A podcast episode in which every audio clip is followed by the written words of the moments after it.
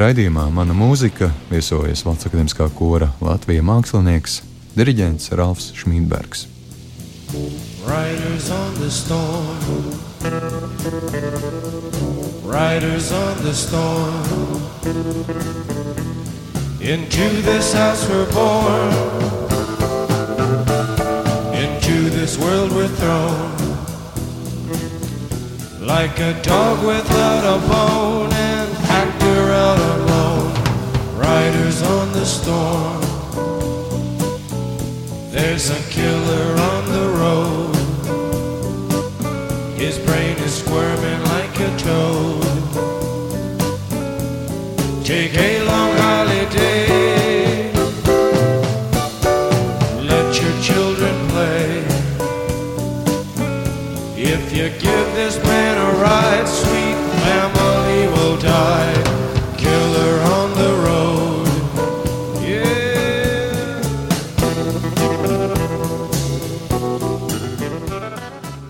Nu, man jautā cilvēki, nu, kas, ko tu nodarbojies. Tad es, nu, pirmkārt, es saku, es esmu mūziķis. Nu, tas apliecina man nodarbošanos simtprocentīgi tikai un vienīgi ar mūziku, tad, tad arī naudas pelnīšana.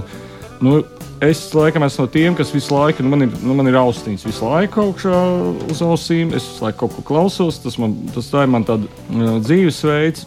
Un tādēļ es kā sev pozicionēju kā mūziķis. Es ka varētu tā pakuķetēt, ja nu, es, vai es esmu tiesīgs, vai es esmu sasniedzis to pakāpi, ka es varētu sevi saukt par mūziķu tādā nu, tā, tā, tā, augstākā līmenī.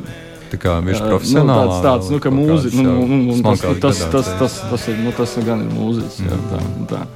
Tur var spēlēties to vārdu. Protams, ka nu, kora dziedātājs tas kā, nu, ir profesija. Tomēr. Tā ir mana profesija, un es to nodarbojos. Es, man liekas, divām kādām nedēļām varētu būt man 17 gadi, kā es esmu valsts akadēmiskā kora dziedātājs. Un, uh, priekš manis tā tomēr ir pamats man nodarbošanās. Proti, tā ir mana iespēja piedalīties visaugstākā līmeņa muzikālajos procesos. Jo būsim godīgi, kurdiriģents Latvijā tie ir amatieru procesi ar visām izrietošajām mm. sakām. Ir arī plusi un ir arī mīnus. Un pat um, tie diriģenti, kas strādā uh, no visaugstākā līmeņa mūsu amatieru kolektīviem, tie, tie vienalga, vai tas ir kamēr, solo un kas tur vēl apmēram tajā top 5 varētu būt, un kas ir arī pēc savas skanējuma. Tajā rezultātā, gala rezultātā, viņi var sniegt visnotaļ augstu, pat ļoti, ļoti profesionālu nu, skaņu. Protams, ka tur ir savs blaknes, bet jā, tas ir ļoti tīrs. Visbiežāk pārāk dzidrs, tāpēc, ka tie ir jauni, nenobrieduši cilvēki, kas lielākoties dzied šādos kolektīvos. Bet tā vienmēr būs. Visi tie iekšējie spēles noteikumi, tie tomēr tāpat saglabāsies amatieru līmenī. Komunikācija, muzicēšana, tā vai savādāk, tā ir arī pieredzes trūkums, cilvēkiem brieduma trūkums, bieži vien nu, tā tālāk. Tā tālāk. Tad man ir svarīgs šis profesionāla kodziedātais status, un es viņu tomēr procentuāli lieku pāri lielākoties. Man, man ļoti patīk nodarboties ar amatieru kultūru. Man tas ir lietas, ko es apzinos kā profesionāls. Es apzinos, kas nu, vismaz manā jau nu, tagadējā vecumā pieredzes, es apzinos, kas man sanāk, ko es varu darīt un, un, un kas ir tādas manas stiprās lietas. Varbūt man nav tik stiprās lietas. Un man tas sagādā ļoti lielu gandarījumu strādāt. Un ir ļoti labi, ka es esmu, varu atgriezties un saņemt tādu profesionālo gandarījumu arī uz tādas profesionālas skatuves ar visaugstākā līmeņa orķestri, diriģentu un tā tālāk, solistiem vispārējo. Un tā.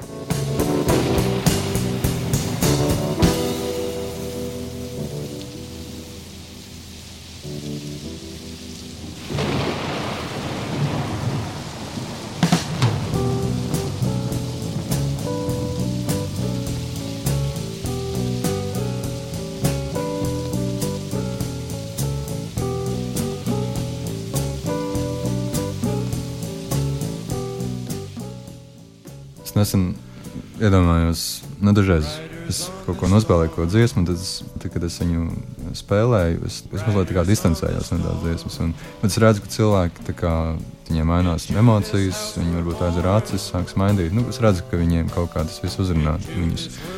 Un pēdējo reizi es sāku domāt vēl vairāk. Tajā brīdī, kad es uzstājos, man es pieļauju, ka šī mūzika rada tādu situāciju, ka es nokļūstu zināmā varas pozīcijā par tiem klausītājiem. Es viņus kaut kā varu ietekmēt, eh, netieši vai tieši. Vai tu esi domājis par to, ka dziedot un eh, varbūt pamatot aci uz zāli tajā brīdī, ko es tajā brīdī mm. nodaru ar to klausītāju? Nu, es jau domāju, ka tam nevajadzētu nu, būt principā, ja tu esi iekšā tajā procesā līdz galam. Nu, protams, ka tu daudz ko redzi. Nav jau tā, ka tu atrodies skatuves visu laiku, kas kaut kādā afekta stāvoklī. Tur uh, ir arī brīži, kad, protams, kad ir uh, arī ļoti, ļoti, ļoti afektuāls izpildījuma epizodes bijušas mūžā. Bet uh, man ir prieks, ka man nav varbūt tas, tas darbs, tāds konvejers, kā tas ir operas muzeķiem, bedrē spēlējot. Un tie cilvēki, kas jau to travietu spēlē, jau, nu, nu, kur ir ierīnas izrāde un, un nekas tur nemainīsies. Un, un, un, un, un, protams, ka tur var spēlējot, izplānot visu nākamo nedēļu, kur atstās bērnu un, un, un kā man tur tagad kas, un nekas nemainīsies no tā. Un paldies Dievam, ka mūsu specifika ir, ir pilnīgi savādāka. Viņa ir tuva Nacionālā simfoniskā orķestra. Piemēram, nu, kad tie koncerti ir retāki nekā teiksim, operas izrādes, bet tad arī tas, tas koncentrēšanās moments ir nesalīdzināms, manuprāt. Nu, vismaz tādā ikdienas, ikdienas kaut kādos procesos. Plus vēl tas mūsu akapela projekts un viss pārējais. Un, un, un līdzīgā veidā, es domāju, strādā arī, protams, radio, nu, radio kurs, kas arī tāds, tomēr, kas nav mūsu tieši konkurence, manuprāt. Tas ir pilnīgi cita formāta. Mm -hmm. Tāpēc man liekas, vajag forši, ka ir tādi divi kolektīvi. Un šeit tieši, ja tu esi kā mūziķis, skatos pats afektā, tad tu, tu maz nepamanīji, kas notiek ar citiem apkārt. Nu, es domāju, ka nu, tomēr tā ir tomēr diriģenta loma diriģenta loma, solistu loma, kas spēja manipulēt ar zāli tādā pakāpē. Mums tomēr ir šis ansamblis pirmajā vietā, un šī ir tā. Nu, tur atkal savas citas vērtības parādās, jo to nu, arī nevar aprakstīt, ka tu esi tajā avatārā saslēdzies, un šis kolektīvais saprāts, kā strazdi, kas tajā milzīgajā mākonī lido un nekad nesaskrienās. Ja, un tu kontrolē situāciju. Protams, ka ir kaut kāda mm. ārkārtīga brīža, kad ir uh, kaut kāda nepiemērota apstākļi vai, vai, vai akustiskā situācija, kad nu, tu nevari neko kontrolēt, un tev tiešām jāpaļaujas tikai uz vienīgas diriģentu. Ir kaut kādas tādas neapzinātas lietas, un to, to ļoti grūti aprakstīt. To var tikai piedzīvot tādu, ka tu jūti gan to soprānu, kas no tevis stāv, es nezinu, cik tālu gan blakus eh, stāvētāji, nu, ka tur mikroniansēs eh, viss tiek kontrolēts. Un tas ir ļoti, ļoti īpatnēji. Nu, tas, protams, ir arī noteikti lielā mērā pateicoties tam, ka nu, ir domāju, milzīgs. Milzīgs kodols, kas strādā tur nu, kā, nu, vēl ilgāk nekā es. es tur, vēl, nu, tur ir tādi, kas pār, pār 25, pie, pie 30 gadiem pat vēl strādā. Pie, kā, nu, tā ir baigā pieredze, un tas ir tāds baigā īpatnējs process.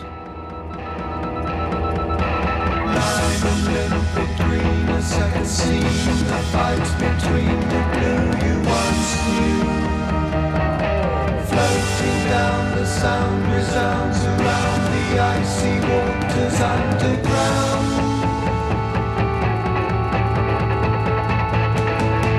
Jupiter and Saturn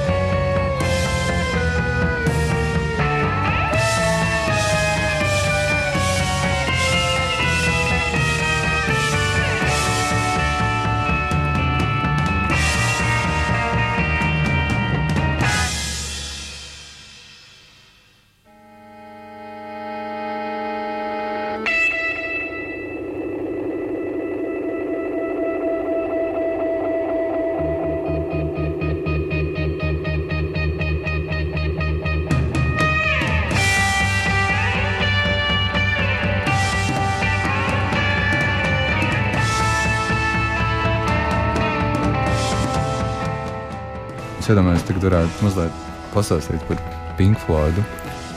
Kāpēc izvēlējies tieši šo albumu? Tādēļ, ka man aizvien mazāk uzrunā viņu.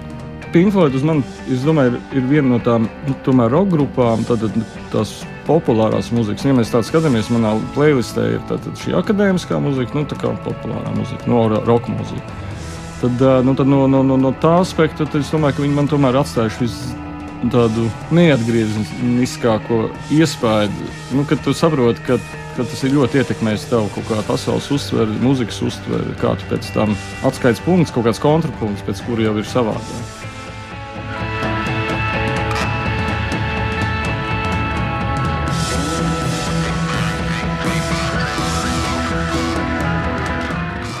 Un es pat atceros, kad uh, es vispār neko nezināju par tādu Pink Floyd. Latvijas televīzijai 79. gadā bija tāds televīzijas iestudējums, viesnīcas Tanatos. Tāds darbs, uh, zināms, man liekas, ka viņš ir stāsts vai kā. Arī Hitchcockam ir arī par šo tēmu filmu uzfilmēta vai īsfilmu. Katrā ziņā tas ir tā, ka tur tāda pašnāvnieki, kas nevar izdarīt pašnāvnieku, dodas uz viesnīcu, tur dzīvo, un vienā brīdī viņus samaksā naudu, vienā brīdī viņiem nu, pa nakti pirms viņus nogalina. Nu, viņi to nekaitīgi, nesāpīgi un tādā garā. Un tāds iesaistījums bija Latvijas televīzijā. Es skaidri zinu, ka tas 79. tur bija galvenā lomā Girts Jakovļevs, tāma bija Mirza Martinsons, viesnīcas īpašnieks Valentīns Skulme. Un tas ir iespējams tikai Padomju Savienībā, ka fonā skanēja vienkārši the Moon. tur time, viss tāda kā, kā tāds vadmotīvs, tas ģeniāla epizode, kur tā solo balss, es aizmirstu to nosaukumu tajā epizodē. Un pilnā sparā rullē viss cauri. Tas bija kāds Pink Floyd, 79. gads. Un man nenormāli palika atmiņā tas. Uh, es domāju, ka tieši tas iesaistījums noteikti man nebūtu palicis atmiņā, ja nebūtu tā mūzika. Un pēc tam es tikai sapratu, ka, ir. Pirmais ieraksts, kas man māca, tas ir tas laiks, kad vispār tas ieraksts nekāda nav. Nav nekāda, nu tas nav varbūt tik traģiski, kā tur bija 60. gados vai 50. kad tur uz rengena platēm klausījās. Ja? Bet principā nu, man, man vecāki nebija melomāni tādi neglābjami, ka tur man mājās būtu vaiprātīgi ierakstu kolekcija un tik sēdi un klausies. Kaut kas tur bija. Bet, Un tad es atceros, man Varis Kurmiņš, kolēģis, radio, jūsu ja, skaņa režisors, kas man bija skolas biedrs dārziņos. Zēnu, kuriem mēs dziedājām kopā, viņš bija vecāks.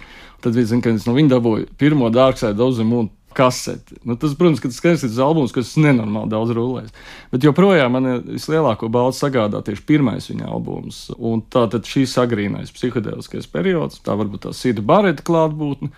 Man nekad nav interesējis, piemēram, 80. gadu viņu, kas tur tomēr ir vēl vismaz divi albumi, man liekas. Nu, man tā, Zola, man tā, nu, nu, nu tā, nekad īsti nav tā aizrāvis, lai es tur nenormāli tur skrietu. Tā ir ar Pink Floyd. Man. Šis lasēk, tas bija Arī šis albums bija kaut kur minēts kā viens no pirmajiem space rock parāgiem. Nu, tur tā, tur, mm -hmm. ir tie Interstellar Overdrive.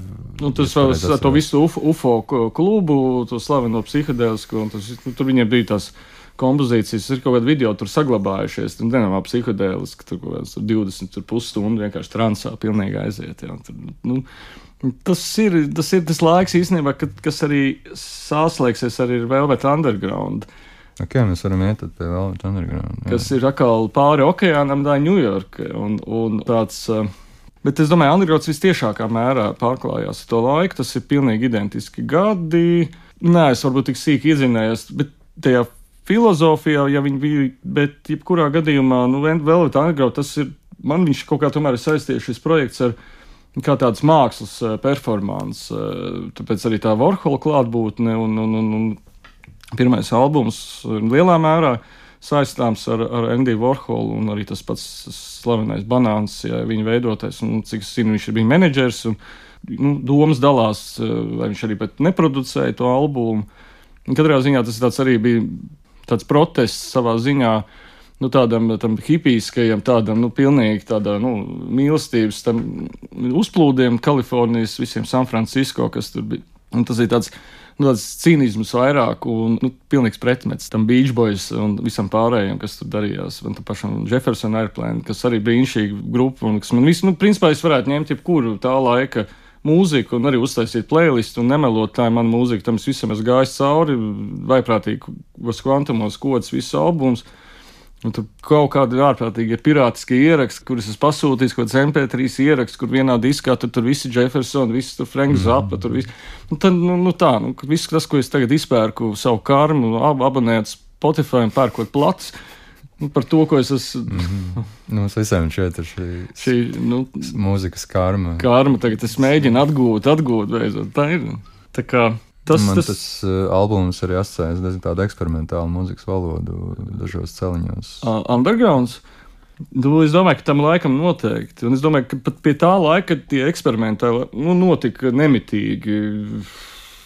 Ja, pat, ja piemēram, Pinkfloyd, nu, viņš nav tik, tik eksperimentāls, ja mēs tā skatāmies. Viņi jau pietiekami labi atzīmējās tajos topos ar to pirmo albumu. Tad uh, Velvet Underground, kas ir nu, tā kā līdzīgi kā kino, kad ir tās kultu filmas, bet kuras nu, nu, fatāli komerciāli neveiksmīgas bijušas. Nu, pēc tam, varbūt pēc 20 mm. gadiem, viņas ir mācību viela un, un, un sekotāji. Tad Underground man liekas līdzīgi, jo viņiem neviens nav, nav uzskatām par tādu, nu, ka viņi būtu kaut vienu brīdi izlauzušies un būtu bijuši tikai savās aprindās. No otras puses, nu, ko, ko jūs gribētu, tas tāds nosaukums Underground.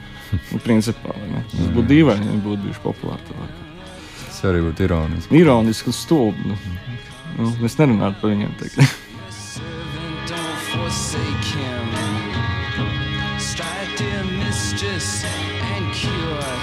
Pastāstiet,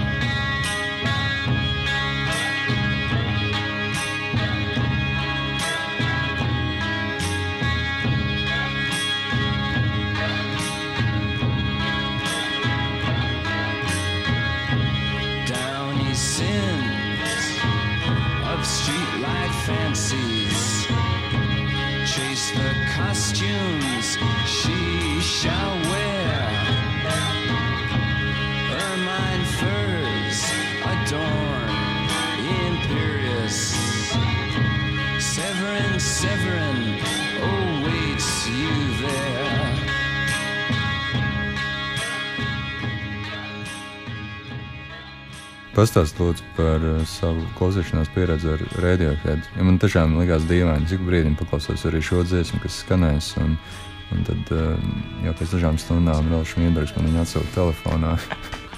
Nu, es, es ļoti skaidri atceros. Protams, ka es zināju, ka Radiohead man ir uh, mans viens no labākajiem draugiem. Lauris Goss, arī diriģents, mans klases biedrs. Viņš jau bija uzsēdies uz viņiem jau, jau stipri ātrāk. Es domāju, nu, par, par OK, computeru noteikti. Tur tur iespējams kā ātrāk. Un šis albums iznāca gan arī vienlaicīgi ar to, ar, nu, es uzskatu, ka viena no labākajiem roka albumiem vispār kāds ir bijis Kidē, bet es tomēr izvēlējos šo, šo dziesmu, lai gan varēju ņemt jebko no Kidē, piemēram. 2000. gads ir ideja, 2001. Uh, jā, un, um, lai gan īstenībā principā, tas ārkārtīgi pārklājās viena vien sesija ieraksts. Mm. Nu, jā, un tad, es, tad bija iznācis šis albums, Es, protams, zināju, kas ir Radiohead, bet es gandrīz neko nebiju klausījies. Nu, atsevišķi tikai lietas. Nebija vienkārši kaut kā uzsēdies un viss. Un vienkārši paņēmu šo dziesmu, uzliku tādus nopūtos.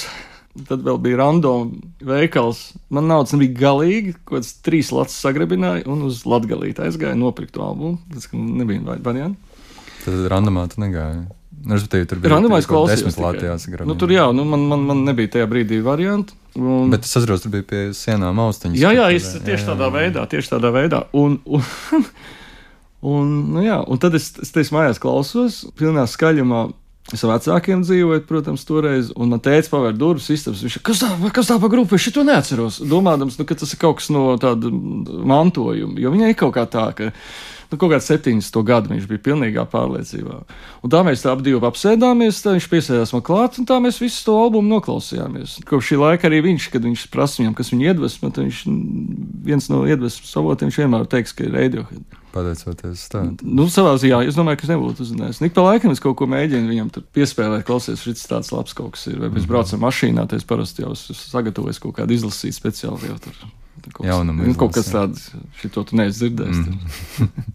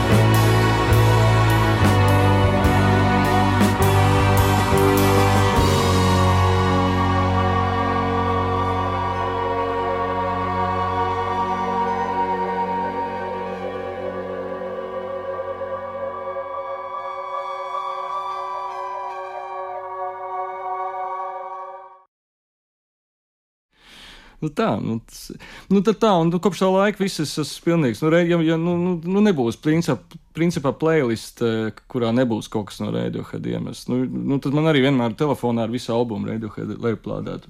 Nu, tas ir pilnīgi obligāti. Tad es esmu arī bijis Londonā uz koncertu, un tas arī tāds nu, neaizmirstams tāds moments 2008. gadā. Mm. Mm. Forši. Raidījumā mana mūzika viesojas Valsts akadēmiskā kora Latvijas mākslinieks diriģents Ralfs Šmītbergs. Arī es domāju, cilvēks, kuru, kuram varētu palūgt kādu playlistu ar labu mūziku, tad tas man šķiet viens no pirmajiem, kas man nāk prātā. Jo, Kaut kad arī vienā vasarā viņš šeit arī braucām kompānijā, un tad jau atceros tieši Liki. Man... Iepazīstinājām ar šeit pūli. Un tad, respektīvi, par tevi jau ceļoja valodas kā par cilvēku, pie kura griezties, lai, lai, lai atsvaidzinātu kaut kādu savu muzikālo apvārsni.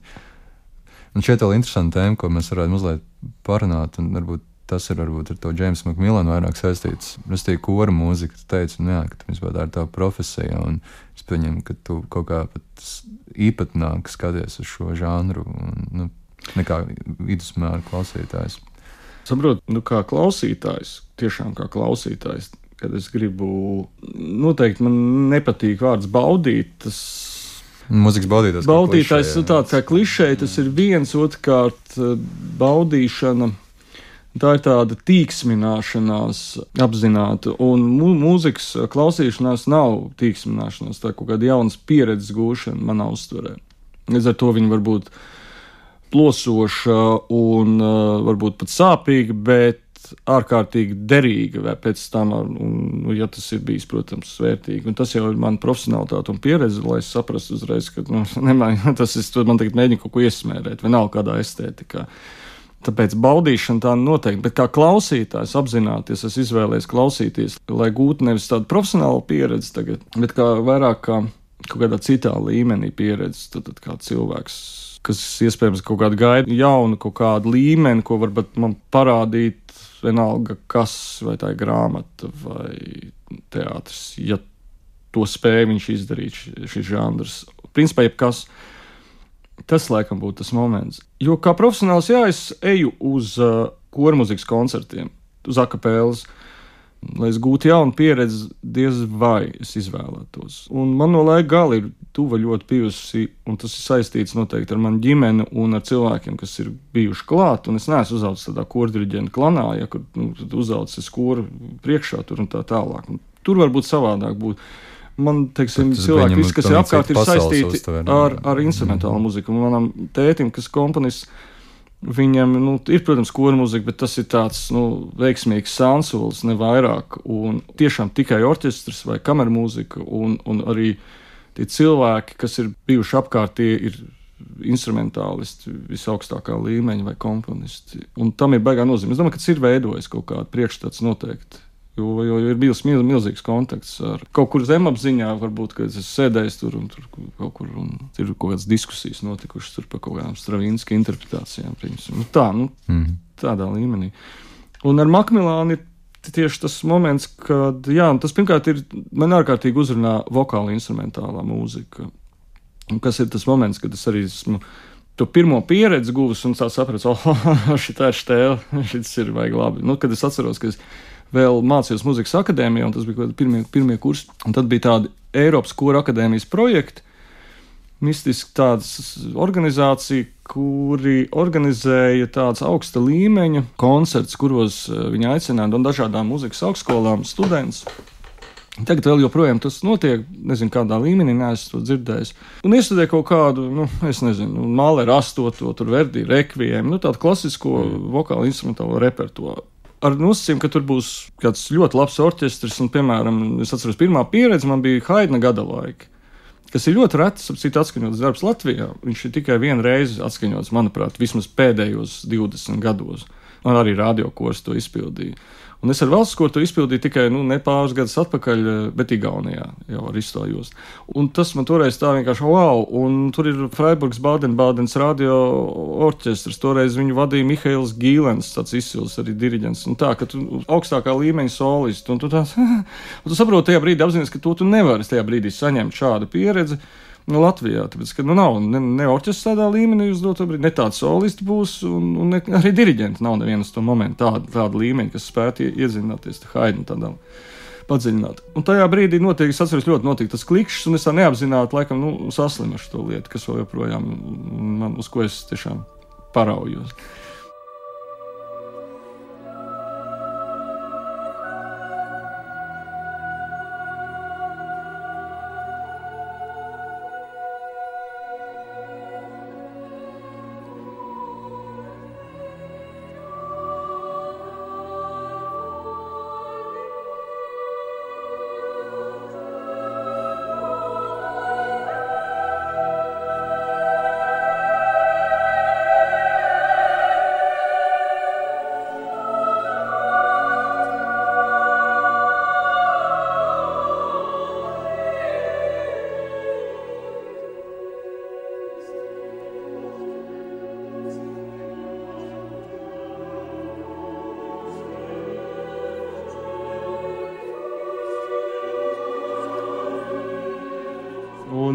es atceros, jā, nu, nu, man ir baisais prieks, ka es esmu dziedājis to darbu, tie pēdējie Kristus vārdi pie krusta. Tāpēc, viņš bija divus, divus gadus pēc kārtas, man liekas, tika atskaņots. Ceturtais gads noteikti tas bija pavasaris, nu, protams, lieldienas.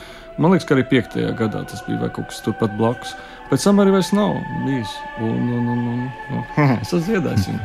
Man, un to man vairs nevar atņemt neviens, ja tu esi dziedājis to darbu. Tas ir pilnīgi savādāk. Vai tu viņu, kā, nu, mācies, un tu būs pilnīgi jauna pieredze, ja tu dziedā.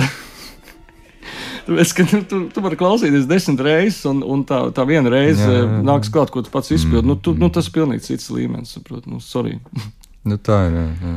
Tā kā, nu, nu, nē, nu, tādā ziņā, nu, ka tas, tas tev īsti tu, tev ir jau fizioloģiski attiecības ar šo mūziku iestājušās. Mm.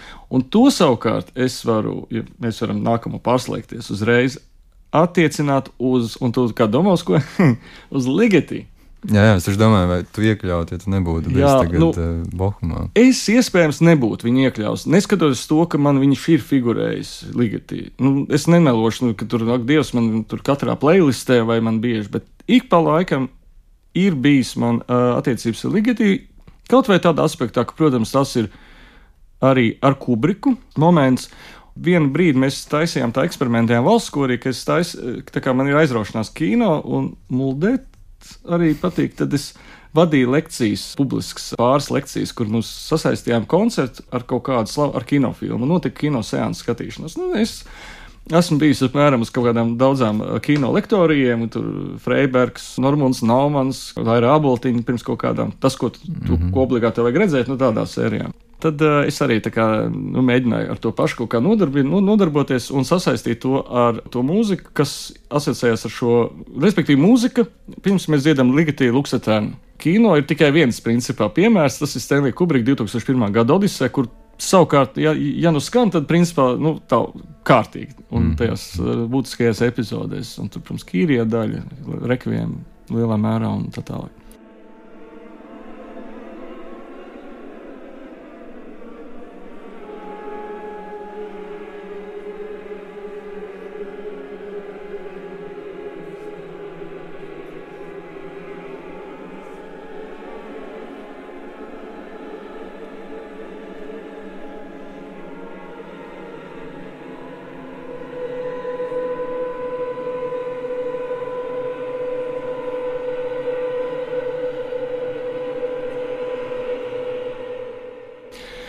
Tad es kaut kā baigi padziļināti, nu, kā, nu, attiecīgi interesējos par to saistību, un arī par to kubriku, un arī par ligatīvu vairāk. Bija viens, viena arēna, kur bija ligatīva eh, veltīta, kas bija nu, zem ligatīvas zīmes. Mm -hmm. Bija doma, ka viņš atbrauks ar ligatīvu, bet viņš jau vairs, viņš jau vairs nevarēja atbraukt. Viņš arī drīz pēc tam nomira.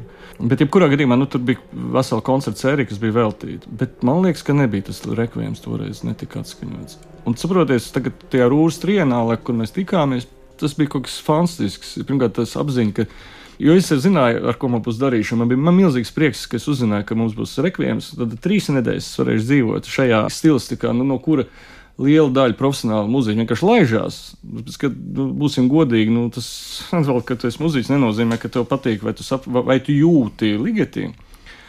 Un, un tad bija tā, ka daži labi skeptiķi jau skatījās jau šo, jā, jā, jā nu tas, tas tomēr ir, ka tu izdzīvo šo ceļu un līdz lakrimozai nokļūst, un tad tu tā saproti, jā.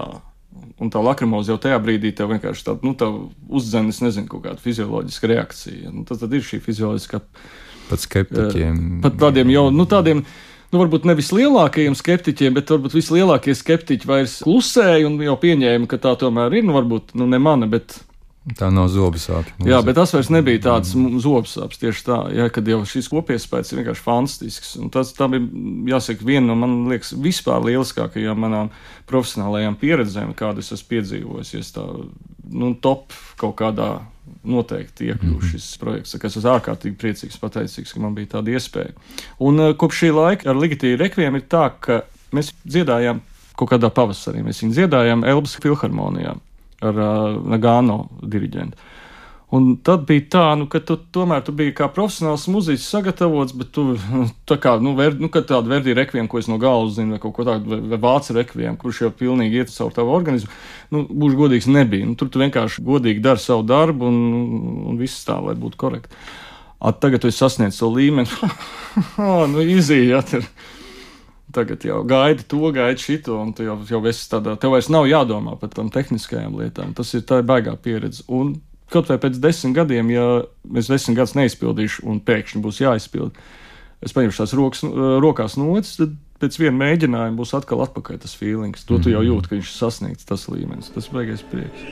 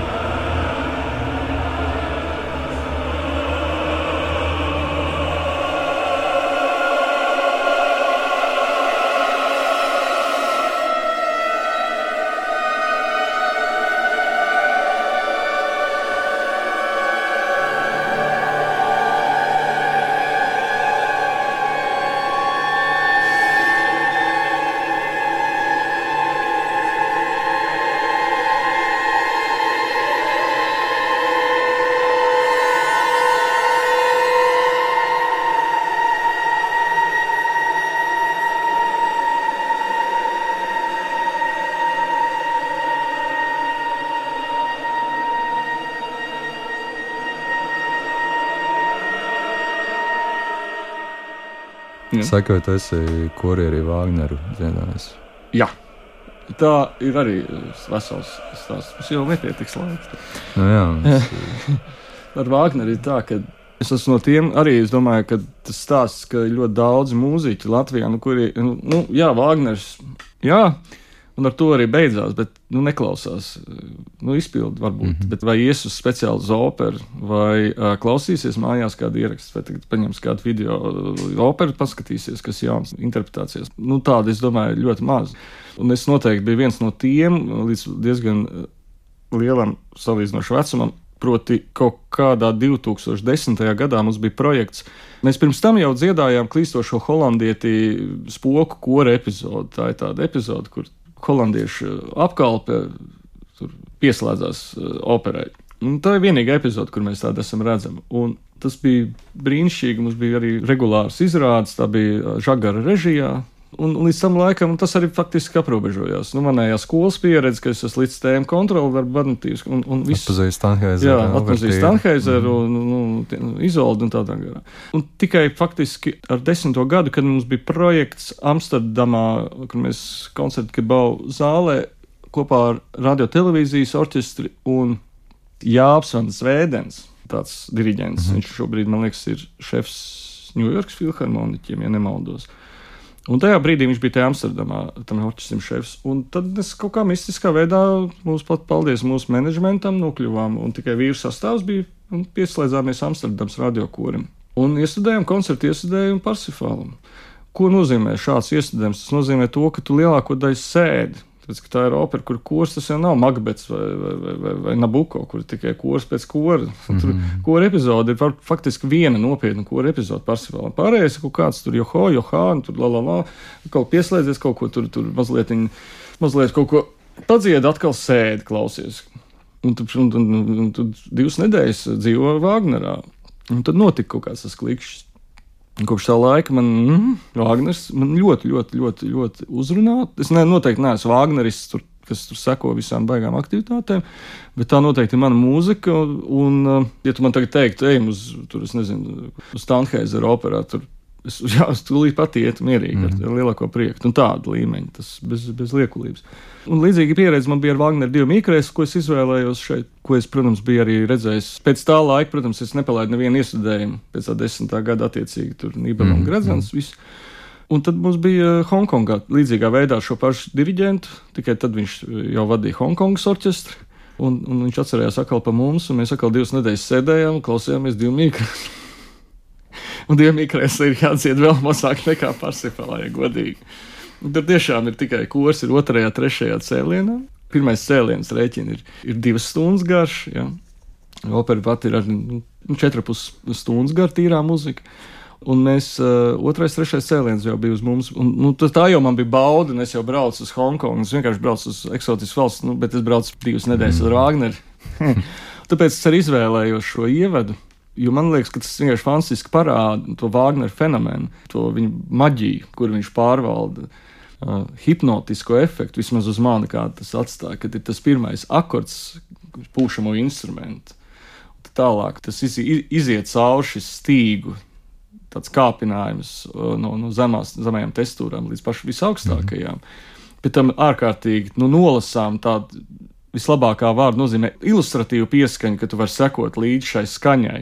Tā pašā laikā nevienu brīdi nepaliekot kaut kādā mērā primitīvs vai, vai, mm -hmm. vai mhm. bezgalīgs. Un tajā brīdī, jau, kad sakarts noskan pirmais, man ir tā kā tādam sunim, kas ir ieraudzījis kaut kādu medījumu, nu, viņš ir nolēmēts tāds. Un tu jau viss, viss tā kā, tā kā es būtu jau nohipnotizēts, un tagad ar šo signālu man var, pār, pār mani var valdīt. Un tālāk ir otrs jau tā kā tāds Un tas pats akords atkal iet, atkal, atkal iet cauri. Un trešais, kā jau tāds kontrols šāviens, pēc kura jau pieslēdzās Brunhilde un dara savu darbu, un, un, un, un man divas stundas paiet vienkārši vienā elpas vilcienā. Tas, man liekas, ir fenomenāls sajūta. To, to man, es domāju, dod, nu, to es tikai laikam no, no, no Wagner vēl mm. ar vienu saņēmu šādu. Ar garantiju. Ne tā, ka es zinu, ka būs ar garantiju.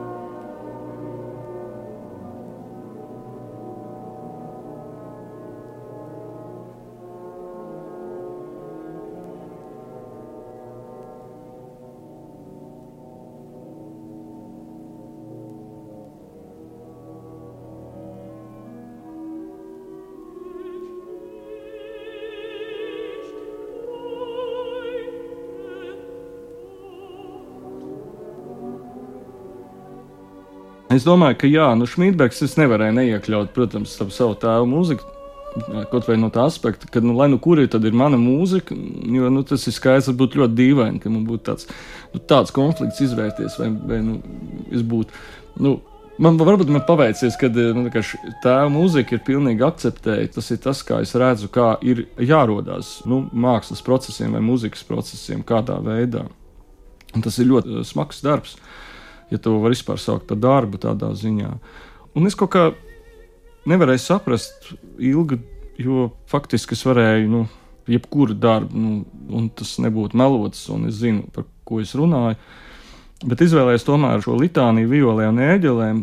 Arī tas moments, ka eh, Jānis Bulovs, eh, nu, tas ir rakstīts Jānim Bulovam speciāli un Larisai Bulovai ēģelniecei. Tāpēc, ka arī, arī Jānis Bulovs ir tuvs nu, ģimenes draugs, faktiski es viņu atceros, nu, cik es vispār sevi atceros. Nu, mm. Attiecīgi, tas arī ir kaut kā pilnīgi loģiski saudzes. Un tas ir arī cilvēks, nu, kas, kuram nav jāskaidro, kā vajadzētu interpretēt uh, Šmītberga mūziku. Tas arī ir baigi svarīgi šajā ierakstā. Un uh, arī šis darbs ir uh, veltīts mammai, manai vecmāmiņai, nu, viņas piemiņai. Viņa bija tieši aizgājusi. Un tas arī vispār sakrīt ar kaut kā tādu ļoti svarīgu lūzuma brīdi arī tēta dzīvē. Un tas viss tāds, tas, tas ir ļoti tāds, es domāju, viņam ļoti svarīgs darbs. Un tā kā jā, beig beigās nedomājot iekļauties šo opusu.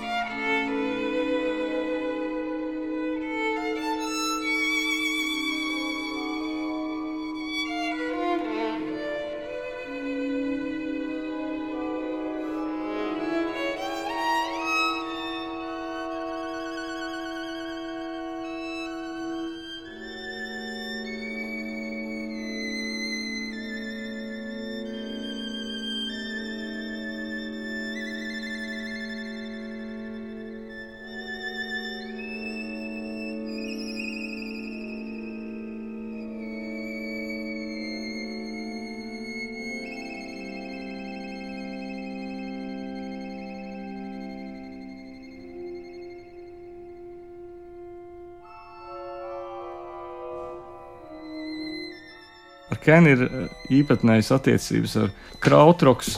Ir tāda grupa Faust, kas arī pārstāv to pašu laikmetu, to eksperimentālo, psihodēlisko vācu roku kultūru, par kuru man liekas ārkārtīgi daudz cilvēku vispār neko nezina. Nu, pat, pat to tādu eksistenci. Un es arī saprotu, tagad atcerējos eh, un sākšu pašķirstīt kaut kur, un eh, sapratu, ka ir vēl grupas, kuras es nemaz nezinu, kas ir vēl eh, man jāatklāj. Tas ir interesants periods, es domāju, ļoti radošs periods.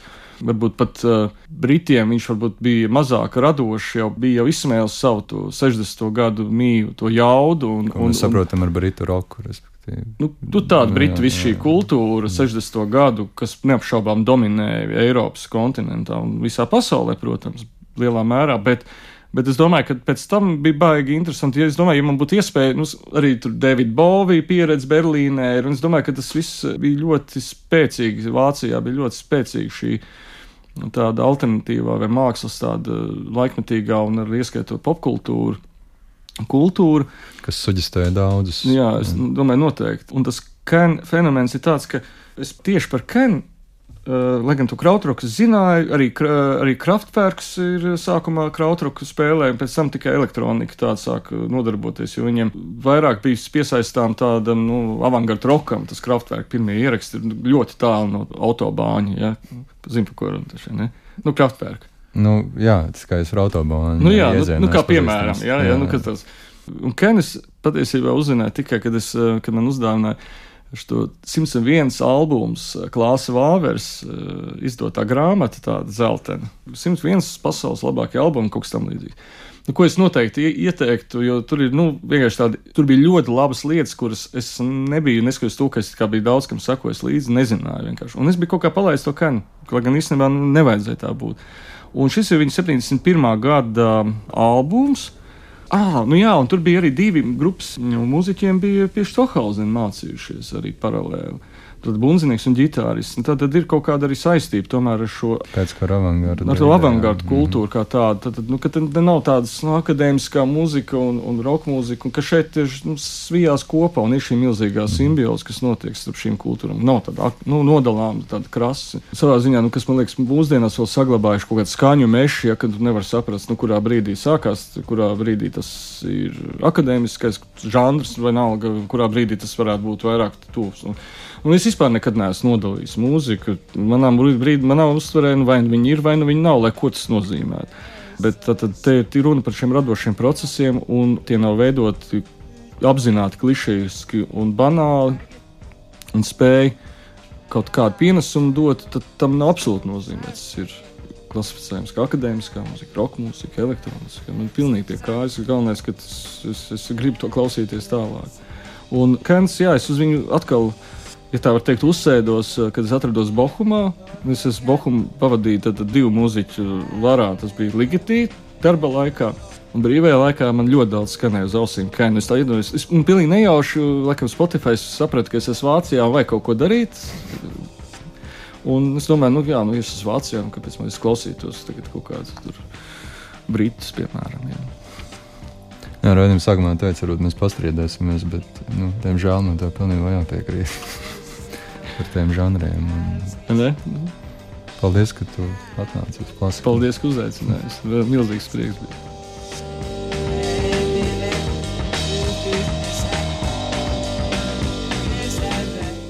Raidījumā Mana mūzika viesojas Valsts akadēmiskā kora Latvijas mākslinieks, diriģents Ralfs Šmītbergs. Stop.